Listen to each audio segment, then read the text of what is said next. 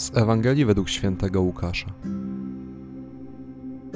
W pewien szabat Jezus przechodził wśród zbóż, a uczniowie zrywali kłosy i jedli, wykruszając ziarna rękami. Niektórzy zaś z faryzeuszów mówili: Czemu czynicie to, czego nie wolno w szabat?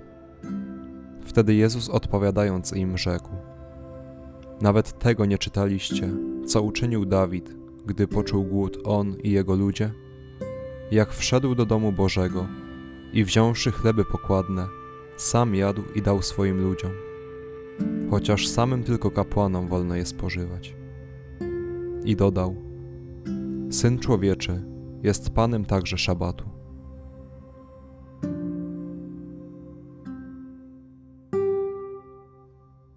To już kolejny raz, gdy w Ewangelii słyszymy dyskusję, a nawet spór Pana Jezusa z faryzeuszami Dzisiejszy dotyczył sprawy szabatu. To, co szczególnie jest tutaj widoczne, to niepoprawne podejście uczonych do jego przestrzegania. Wydaje się, że dla nich Dzień Święty był jedynie przestrzenią obwarowaną zakazami i nakazami. Zabrakło w nim miłości.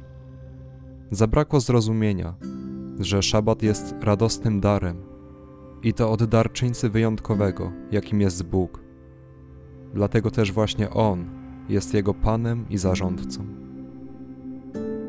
W tym kontekście spróbujmy dzisiaj zapytać siebie, jakie jest nasze podejście do licznych darów, jakie otrzymujemy od Zbawiciela. Jak traktuje niedzielę, która przecież powinna być przepełniona euforią, bo przypomina nam o zmartwychwstaniu Chrystusa? Czy poświęcam ten jeden dzień w tygodniu, aby jeszcze lepiej poznać tego, który oddał za mnie swoje życie?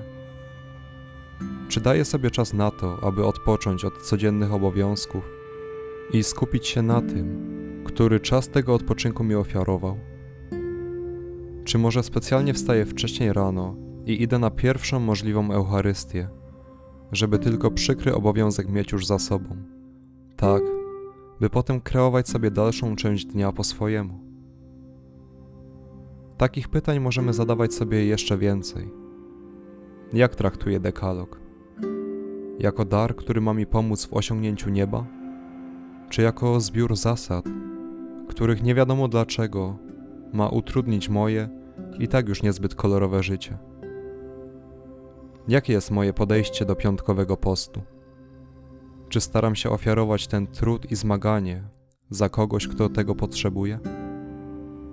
Czy może cały dzień chodzę i narzekam, że ten Pan Bóg to tyran, bo akurat dziś mam ochotę na burgera, a muszę przestrzegać kolejnego niezrozumiałego polecenia?